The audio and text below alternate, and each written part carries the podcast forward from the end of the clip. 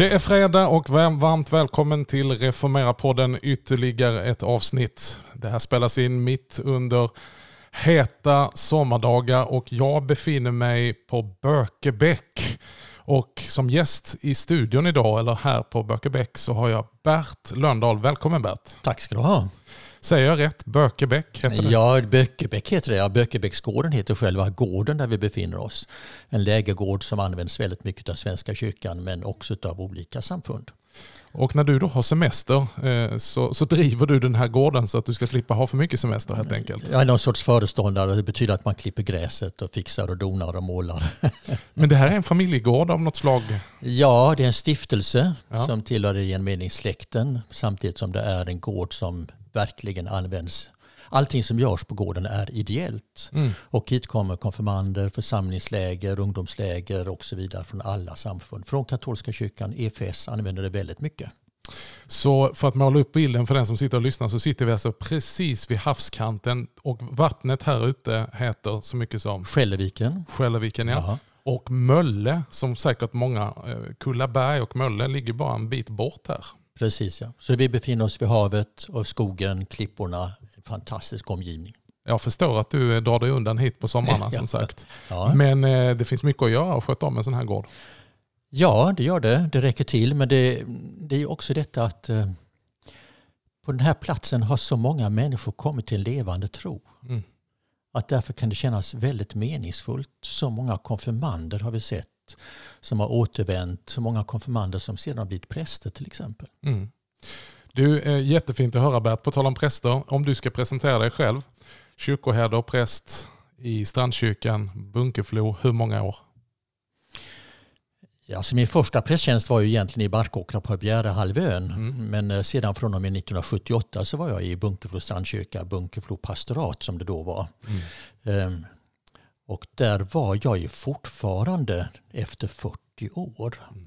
Även om jag gick i pension något innan. Men jag var tvungen att gå tillbaka på min gamla tjänst. Så det är en hyfsat lång tid i alla fall. En bra början om jag säger så. Det kan man väl verkligen säga. Ja, fantastiskt. Men, jag, men jag ändå ska kommentera det. Så för mig har det alltid varit väldigt avgörande. Så var det från början att det var i den, och är i den nära miljön där man mm. skapade kontinuitet, stabilitet och på det sättet relationer och placerade församlingen i, i den omgivning, den stadsdel där vi var. För det, Bunkeflo var ju en del av Malmö, mm. alltså mm. ett stort sammanhang. Um, och då skapar man relationer och på det sättet byggde man församling. Och verkligen måste jag ju säga då som inte bor jättelångt ifrån Bunkeflostrand. Jag bor i södra delen av Malmö. Och eh, hade faktiskt inte så mycket kunskap när jag på den tiden var frikyrkopastor. Men fick ett tips att du måste besöka Strandkyrkan i Bunkeflo. Det var ju bara åtta minuter med bil. Ja. Och det var första gången vi träffades mm. 2014. Det var faktiskt alla själars söndag. Oj, vilket minne du har. Ja, men det betyder ju väldigt mycket för mig. Det är inte för inte att vi sitter här mm. tillsammans. Och jag kommer in i en, jag är inte bara full utan en överfull kyrka. Mm. Det, det bråkade med mina dåvarande förutfattade meningar om Svenska kyrkan eh, och förstod att det här är en unik plats. Mm. Och Sen har jag fått följa dig och följa församlingens fortsatta utveckling och eh, det har varit till mycket glädje. Mm. Men du Bert, vi ska... det, det ska vi ändå säga att Strandkyrkan är ju inte lika stor som en katedral. Det är sant, men, men jag tänkte om man undanhåller det så låter det ännu bättre.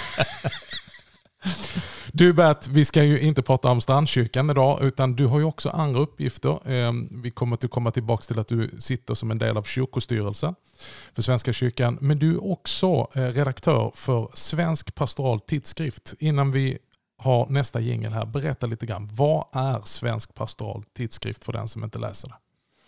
Svensk pastoraltidskrift är eh, SPT som den då sägs förkortat, är den tidskrift som jag tror faktiskt det är den största inriktade och läses av präster, teologer, eh, teologiskt intresserade. Mm. Och eh, står på en, ska vi säga, en klassisk kristen trosgrund. Eh, där många fromhetstraditioner kan känna igen sig. Mm.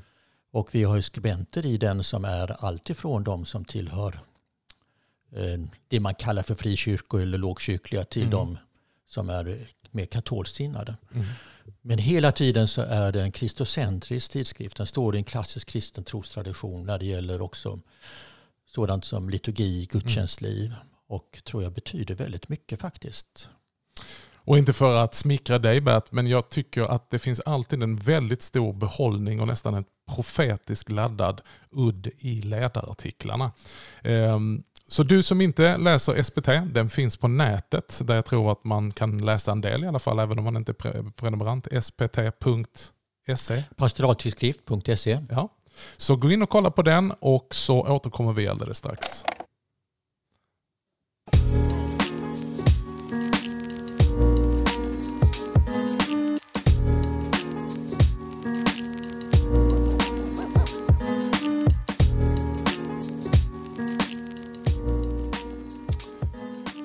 Ja, du lyssnar alltså på Reformera-podden och jag sitter här tillsammans med Bert Löndahl idag. Bert, du har också en uppgift i kyrkostyrelsen. Berätta om lite grann för den som inte är insatt, kyrkomötet och kyrkostyrelsen. Hur fungerar det här och vad är din uppgift mm. i kyrkostyrelsen? Alltså, kyrkomötet är Svenska kyrkans högsta beslutande organ.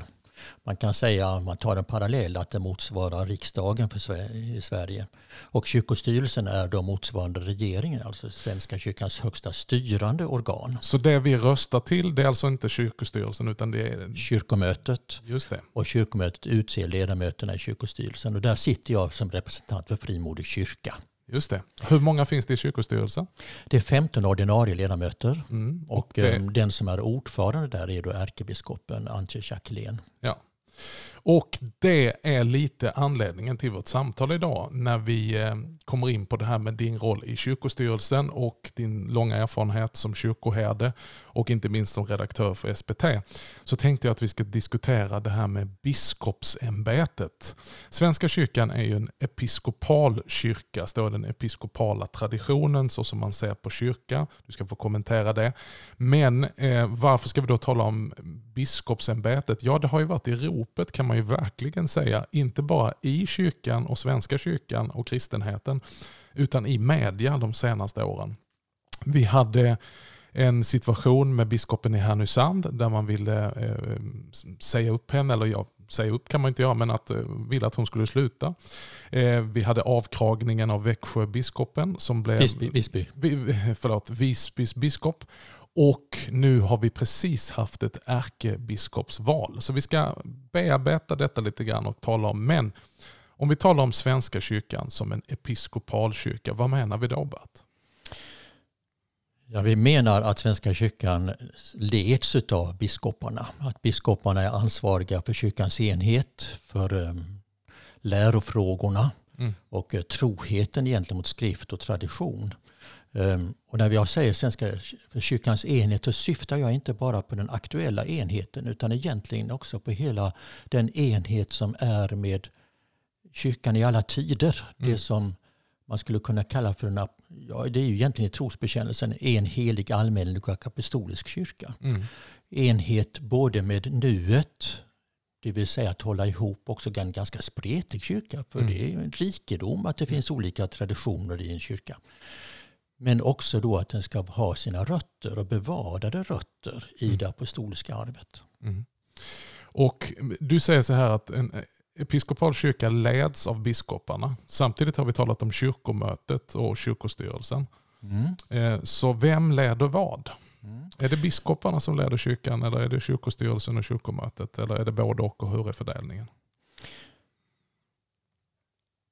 Man talade och talar ibland fortfarande om den dubbla ansvarslinjen. Mm. Och den dubbla ansvarslinjen innebär då att de förtroendevalda som väljs demokratiskt, i viss mån är ju alla biskopar också valda demokratiskt. Mm.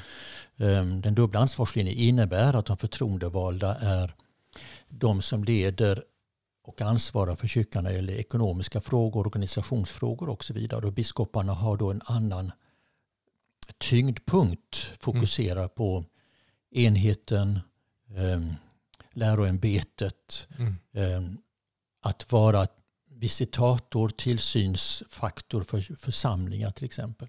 Men man kan också säga märkligt nog att i och med att Svenska kyrkan blev fri från staten kan man nog säga att biskopsämbetet snarare försvagades än förstärktes. Mm. Därför att tidigare var prästerna anställda i stiftet och därmed hade man en omedelbar relation till biskopen. Idag är prästerna anställda av pastoraten och därmed av de förtroendevalda av kyrkoråden. Mm. Vilket gör den här linjen lite mer otydlig. Ett kyrkoråd kan alltså um, um, avskeda, utköpa en kyrkoherde eller en präst. Det kunde man inte för utan då var det tvunget att gå via stiftet. Ja, just det. Och då står man direkt under biskopen. Det gör man ju fortfarande i, i andlig bemärkelse så att säga. Med Precis. Ja. Eh, översyn och, ja. och, och så vidare. Du, vi har ju ett antal biskopar i det här landet. Vi har stiftsbiskopar och så har vi en ärkebiskop som också delvis är en, en stiftbiskop. Berätta, utveckla det bara för den som inte känner mm. till strukturen. Alltså vi har ju 13 stift i Sverige. Mm. Och fram till det att det blev, fick en, eh, Svenska kyrkan blev kan man säga, formellt fri från staten eh, så var det bara också 13 biskopar. Och den som var biskop i ärkestiftet i Uppsala stift var också ärkebiskop. Mm. Sedan kom då en ärkebiskopsfunktion som lite separerades från stiftet. Så Uppsala har ju två biskopar. En stiftsbiskop och en ärkebiskop. Mm. Ärkebiskopen är, brukar man säga, primus inter pares, alltså den främste bland jämlikar, bland likar. Um, utan att på något sätt ha en, uh, ska vi säga, en påvens funktion i, i Svenska kyrkan.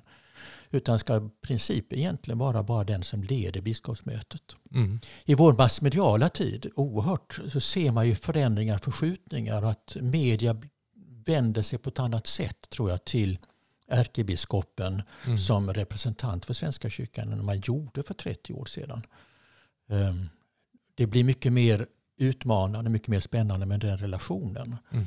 Så på det sättet har ärkebiskopen fått en uh, mer uttalad offentlig kan man säga. Och det vi kallar för biskopsmötet då, det är alltså kollegiet av biskopar som möts regelbundet och eh, fungerar också som läronämnd i kyrkomötet, eller hur? Ja.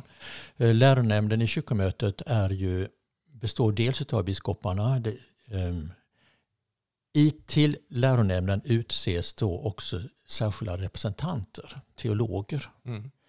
Och till detta är också biskopsmötet kopplat. Så i relation till kyrkomötet i lärofrågor så har de en mycket stark ställning. Men skulle jag se det över dem, jag har ju suttit i kyrkomötet sedan 2010, så skulle jag ändå säga så här att läronämnden är väldigt följsam till vad kyrkomötets majoritet tycker. Mm. Ehm, och när kyrkomötets majoritet inte riktigt tycker som läronämnden så finns det en tendens att vilja nonchalera det. Mm. Den ja. här utvecklingen ser jag. Ja. Vi ska fortsätta tala om biskopsämbetet alldeles strax.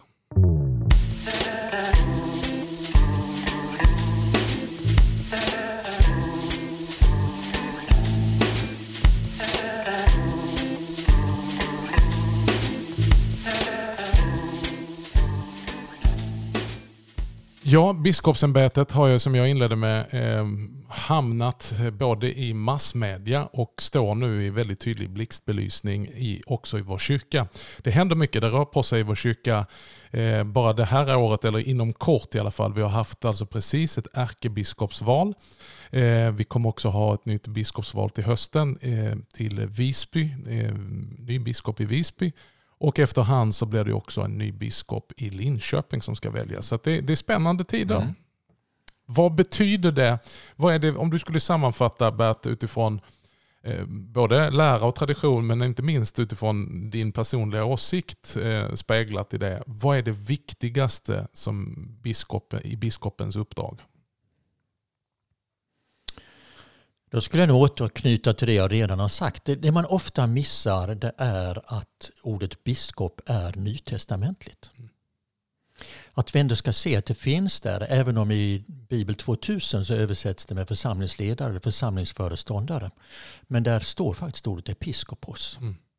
Den biskopliga funktionen finns alltså med på något sätt i hela kyrkans arv. Och, eh, och då finns det det man kallar för apostolisk succession, det vill säga att det går en tradering av handpåläggning rakt igenom hela kyrkans tid. Och Svenska kyrkan är faktiskt en del av detta. Mm. Och så finns det en lärosuccession också. Mm. Um, och lärosuccessionen innebär ju att en biskop ska stå i trohet, och det sa jag också innan då, till det apostoliska arvet. Till det allmänkyrkliga arvet. Uh, Svenska kyrkan Och jag skulle säga egentligen får ingen kyrka ställa sig utanför det här. Mm. Jag tror att olika kyrkor har olika tyngdpunkter och vi kan vara olika gåvor till varandra med de traditioner vi bär. Men ser vi det mer som exkluderande eller särarter, då förlorar vi någonting. Men kan vi se det som här är en gåva som Pingstkyrkan ger oss, här är en gåva som EFS ger oss. Ehm, så berikas vi istället. Och här tror jag att biskopen, mm. skulle jag säga, biskopens enhet, uppgift, är inte bara att hålla ihop ett stift. Mm. Det är också som enhet i att bevara och få olika traditioner att samverka med varandra som mm. någonting berikande. Mm. Um, annars blir det helt enkelt så att det blir, ett stift blir enformigt och enhetligt. Och det är någonting annat. Själva enheten förutsätter mångfald. Så i det ena ordet enhet ligger det. Och det andra jag skulle säga ligger i då, eh, det apostoliska arvet, än en gång. Liksom rötterna måste finnas där väldigt tydligt. Mm. Och sen skulle jag också lyfta fram um, det andliga ledarskapet som du själv berörde. Mm. Mm. Och då, andligt ledarskap är ju ingenting som en biskop på ett sätt kan kräva. Därför att den måste också visa att den förtjänar det. Mm. Och det är väl så också att eh, som präst så handlar det väl också om, om att jag som präst eh, också ger mig till min biskop eh, och ger den möjlighet att, att leda och korrigera och så vidare. Mm. Och där är det väldigt viktigt att jag som präst har ett förtroende för den som är min biskop. Ja. Eh, men ser jag som präst att en biskop inte står i denna enhetens, mm. den apostoliska eh, linjen, bevara mm. det. Både som ett arv och bevara det inför en förnyelse. Mm. Så blir det också så att det kan skava i relation till biskopen. Just det. Du, på tal om det. Ni har ju haft en serie, då, vi talar om SPT, som du är redaktör för. Där har ni ju haft en följetong nu eh, där ni har ställt en, en mängd frågor, mycket intressanta sådana, till alla biskoparna. Och sedan också eh, avslutat detta med en intervju som du själv har gjort med ärkebiskop Antje Jacqueline. Eh, berätta, vad, vad, vad, vad var behållningen av detta? Det finns ju jättemycket att gå igenom, men vad, vad får du för signaler? Vad, vad, vad, gör du för någon spaning när du, när du får se svaren som kommer in? Jag kan tycka, och det tycker jag gladde mig mycket, eh, en tidigare biskopsgeneration uppfattade jag som väldigt mycket representant från det som var 68-vågen. Mm den biskopsgeneration som jag ser börjar bli allt tydligare det är att den är friare i förhållande till det. Mm. Att eh, flera av biskoparna var så tydliga om eh, den lokala gudstjänstlivet, eh, förankring i att församlingarna skulle byggas. Ehm, och det är klart det funnits innan också men tyngdpunkten tycka att den har fått en förskjutning. Mm. Eh, när det är intervju, intervjun med Antje kan man väl också säga att eh, ärkebiskop Antje försöker då verkligen att också motsvara en enhetens ämbete och få mm. har mm. haft sådant massmedialt genomslag som hon har haft. Verkligen. Det handlar givetvis om ett förändrat medielandskap mm. också. Mm. Eh, men hon har haft det. Mm. Men det finns också sådant som jag kan se komplikationer mm. på frågorna om eh, vilket utrymme olika fromhetstraditioner kan ha mm. så kan jag uppfatta att hon inte är helt bekväm med de frågorna. Mm. Utan eh, där skaver det. Och eh, det gör det ju också i kyrkomötet och i kyrkostyrelsen. Mm. Det finns en mainstream Svenska kyrkan som eh, någon har sagt så här om en predikan eller kyrkan i allmänhet ingenting annat säger än det du kan läsa i vilken ledare som helst i mm, massmedia mm, mm, så är det inte evangelium. Nej, precis. Utan, eh, en spegling av tidsandan. Ja, mm, mer det. Mm, mm, ibland kan jag, det är ju mitt förhållningssätt, ibland kan jag uppfatta det som att man egentligen använder skriften mer som en trampolin och sen gör man frivolter och landar var man vill.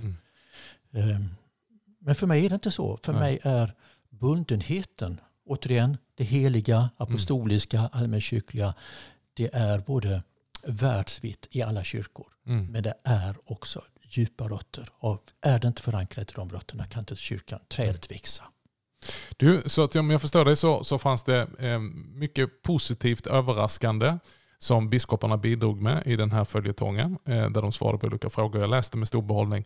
Vad saknade du? Om du som redaktör får säga att ja, men det här skulle jag önska att det fanns tydliga svar kring. Var det någonting som lyste med sin frånvaro? Alltså frånvaron fanns ju där för att vi kanske inte ställde alla frågor som mm. kunde ställas. Mm. Nej, det, det hade blivit många nummer då. men men eh, jag skulle önska att, att biskoparna vågade vara ännu tydligare om att de partipolitiska ideologierna i Svenska kyrkan, mm. de måste vara på väg ut. Mm. Mm. För så är det i kyrkomötet. Mm. Kyrkomötet är demokratiskt valt men det är dominerat av riksdagspartierna. Eller som jag skulle säga, hur kan riksdagen acceptera att partier som har bundit sig till den kristna trosbekännelsen genom att vara med i kyrkomötet. Mm. Mm. I riksdagen ska de ju vara religiöst obundna. Mm. Mm. Men samma partier sitter i kyrkomötet. Och är var, fi, var, ja, var finns lojaliteten? En, ja, ja, nej, men det är väldigt intressant.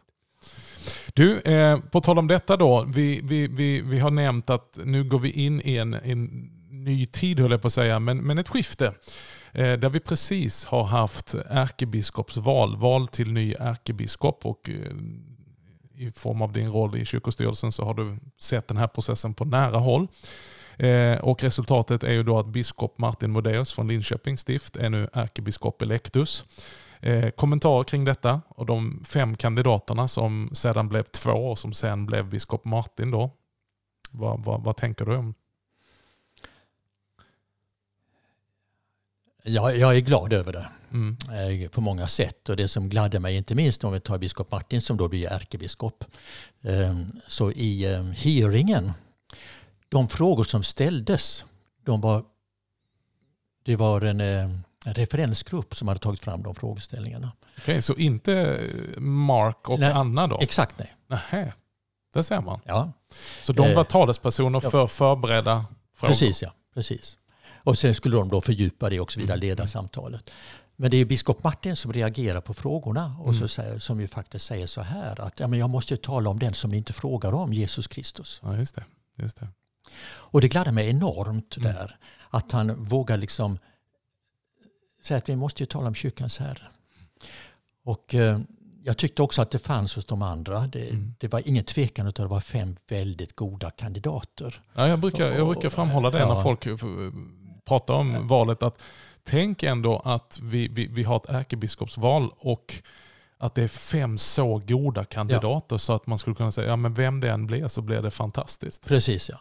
Och eh, där, där, skulle jag också säga att sen stod det mellan eh, biskop Johan Dahlman och biskop Martin Modéus. Och, eh, det jag kände igen hos båda och som jag uppskattade väldigt mycket det var att det fanns en Jesusglädje hos båda. Mm. Men I du... en stor intervju med Maria Ludvigsson, en ledare, eh, hade ett frågebatteri till de båda. Och båda två uttrycker Jesusglädje. Ja, väldigt fin artikel. Ja, ja. Men du, om vi kommer nu till konkret vad detta innebär. Eh, vad kan detta innebära för Svenska kyrkan? Innebär det överhuvudtaget någonting mer än att det är en ny person på ärkebiskopstolen? Eh, vad kan en ärkebiskop göra och vad borde en ärkebiskop göra nu när man skiftar? Jag tror att det finns en djup längtan ute i pastorat, i församlingar om att man får redskap till att bygga församlingar, mm. omstarta församlingar. Jag tror att på många ställen så finns det en vilsenhet. Mm. Um, hur bygger vi församling? Hur förnyar vi våra församlingar? Där de stora pastoraten riskerar att bli någon sorts organisation som ska fixa servicen mer mm. än man tänker lokalt. Och eh, Martin Modéus har ju uttryckt ganska mycket kring detta, betydelsen av det lokala sammanhanget. Mm. Och eh, också, han har ju också arbetat mycket med gudstjänstfrågorna mm. och velat förmedla den här gudstjänstförnyelsen och mm. gudstjänstglädjen. Så om jag säger så här att Antje har haft ett väldigt starkt massmedialt genomslag. Intellektuell, kompetent, eh, vetenskapsbaserad Mm. Jag skulle säga att jag uppfattar att Martin Modéus har mer drag av det lokala. Mm. Mm. Eh, att befinna sig i det, det sammanhang där människor verkligen är och lever och kyrkan mm. lever. Och där ligger hans tyngdpunkt.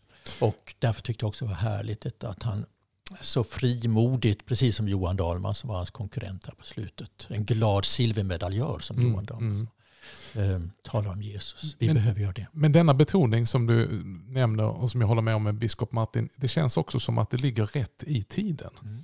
Att vi behöver nu ett fokus utan att tappa perspektivet på mission och, och världen och utåt så känns det som att det är helt rätt att vi har ett fokus på inåt i att styrka mm. det lokala församlingslivet. Mm. Komma bort lite från koncerntänkande och new public management med tjusiga värdegrunder och stora eh, skrytbyggen och istället komma ut i församlingslivet för there's where the action is. Mm. Ja, och befria Svenska kyrkan. För det har funnits och finns definitivt ibland någon sorts genans mm. inom Svenska kyrkan. Man talar om den inre sekulariseringen. En sorts genans över Jesus Kristus. Så vi har mm. skrivit mycket om det i SPT. Att det finns nästan till en kristofobi till och med in i kyrkan. Och att befria oss från detta till den frimodighet. Man vänder ryggen till den som skäms över sig själv. Mm. Men man ja. ser på den som står där frimodigt och säger detta är någonting. Ja. Och detta vi vågar tro och bekänna, det är någonting som är efterfrågat. Det finns ett rop där ute. Mm. Som någon sa till mig som var ganska nyligen blivit omvänd. Det finns ett rop där ute efter Gud. Mm. Och kyrkan hör det inte. Mm. Men vi måste höra det. finns där. Jag tror också det har med kyrkans självkänsla att göra. Ja. Vi vet ju det eh, bara som människor. Att när vår självkänsla är körd i botten. Då har vi inte mycket att bidra med till vår omgivning. För att då är vi fulla av tvivel på oss själva. Vem är jag? Vad har jag? Vad kan jag? Mm. Inte kan väl jag bidra med någonting. Och då behöver man ju faktiskt arbeta med sig själv. Inte för att bli någon annan, utan för att faktiskt fullt ut bli sig själv. Mm. Och där tänker jag att biskop Martin som ärkebiskop kan ha en viktig funktion att styrka den här. Han nämner ju det även i sina sju rörelser som han har tagit fram i sitt härdarbrev. Att gå från, från modlöshet till hopp. Eh, och, och han talar mycket om kyrkans självkänsla. Att verkligen se vad vi äger i Kristus och vem kyrkan är. Mm. Och Kyrkans självkänsla måste grundas i en realistisk mm. um, självförståelse också. Det vill säga att Svenska kyrkan har varit en kyrka på reträtt. Mm. Vi är på väg att bli nominellt en minoritetskyrka även om vi kommer att fortsätta att vara den största bland samfunden. Mm. Men en självkänsla bygger inte på den positionen. En självkänsla mm. bygger på den identiteten vi har i Jesus Kristus. Exakt. Den bygger på frimodigheten. Jag menar, den tidiga kyrkan tänkte inte på att man var en liten rest. Mm. Utan den tidiga kyrkan liksom bara bars av ivern, frimodigheten, vittnesbördet. Ja, men helt riktigt. Du, om du skulle vilja skicka med någonting och, och, tänka högt här nu tillsammans med oss. Vad kan då en ärkebiskop, en ny ärkebiskop göra? Om du skulle skicka med en önskelista eller en hälsning till biskop eh, eller ärkebiskop Electus Martin Modéus. Vad, vad, vad skulle du säga då? Jag får jag fuska lite och läsa ur en ledare som kommer i nummer 14-15 av Svensk pastorat. Ja, men vad lämpligt. ja, vad lämpligt. Ja, Då avslöjar jag lite vad som kommer ett, i nummer 13 som kommer på fredag. Utan i nummer, numret på. Där har vi skrivit en liten önskelista som kanske är lite annorlunda ja. till eh, blivande ärkebiskopen Modéus. den är så här. Att vi skulle önska att han kan inspirera till en frimodig tro och mm. bekännelse. Mm. En ny Jesusglädje och Jesuskärlek. Att han kan inspirera till en förnyad missionsiver så att levande församlingar växer fram i vårt land. Att han kan inspirera till levande gudstjänster, till en liturgisk och sakramental glädje, till predikans förnyelse och fördjupning i bibelordet. Mm. Att han kan våga betona den lokala församlingen framför storpastoratens dominans och vara lokal mitt i de nationella och internationella perspektiven. Mm, viktigt. Att han kan våga vara så ekumenisk att det inte bara är mötet med andra kyrkor utan även inom Svenska kyrkan en mångfald av fromhetstraditioner ska få leva och utvecklas. Amen. Att han kan våga bidra till att de partipolitiska ideologiernas inflytande minskar och att Svenska kyrkan i verklig mening blir en fri kyrka. Och sen sista punkten. Våga bidra till att Svenska kyrkans identitet som en del av Kristi kyrka stärks mitt i en pluralistisk värld. Nu har alltså avslöjat redan nu vad som kommer i en ledare om två veckor men det får vara en liten eh, trailer också för svensk SPT, Svensk pastoratskrift. Ja, men en väldigt bra lista och, och eh, den är ju anspråksfull naturligtvis. Eh, men om vi då landar, eh, jag stryker under varenda punkt du har sagt här och det är väldigt bra formulerat. Men när man då tänker på en ärkebiskops möjligheter, vad kan då Martin som ny ärkebiskop göra rent konkret för att få till någonting av detta? Vilka möjligheter har man som ärkebiskop? Å ena sidan så har man egentligen ganska begränsade möjligheter därför att man är beroende till exempel av ett kyrkomöte som skulle bifalla motioner om evangelisation. Det har jag mm. motionerat om nästan varje år. Mm. Man har avslagit dem. Men man kan också säga så här att den person buren av den helige Ande, genomandad av den helige Ande, som ett Kristusvittne kan inspirera mm. och bära någonting till alla oss präster, till våra församlingar utav en ny frimodighet. Och det tror jag behövs. Och det skulle jag säga, det vore ljuvligt. Det är lite halleluja om det kan bli så. Och Det är en härlig eh, ton att sluta på, halleluja-tonen. Och till alla våra lyssnare, tack för att ni har varit med oss ytterligare en fredag. Och jag skulle vilja skicka med, låt oss nu inte bara eh, sätta press och förhoppningar och förväntningar på vår ärkebiskop, utan börja redan nu be för ärkebiskop Electus Martin Modéus. Ta med honom i dina dagliga böner, i din aftonbön. Ropa till Gud om kraft, frimodighet och styrka i hans kommande uppdrag. För jag tror att ibland så får vi de biskopar vi förtjänar. Så låt oss be. Tack Bert Lundahl för att jag har fått sitta här tillsammans med dig och lyssna till så mycket viktigt om biskopsämbetet. Tack för att jag fick vara med.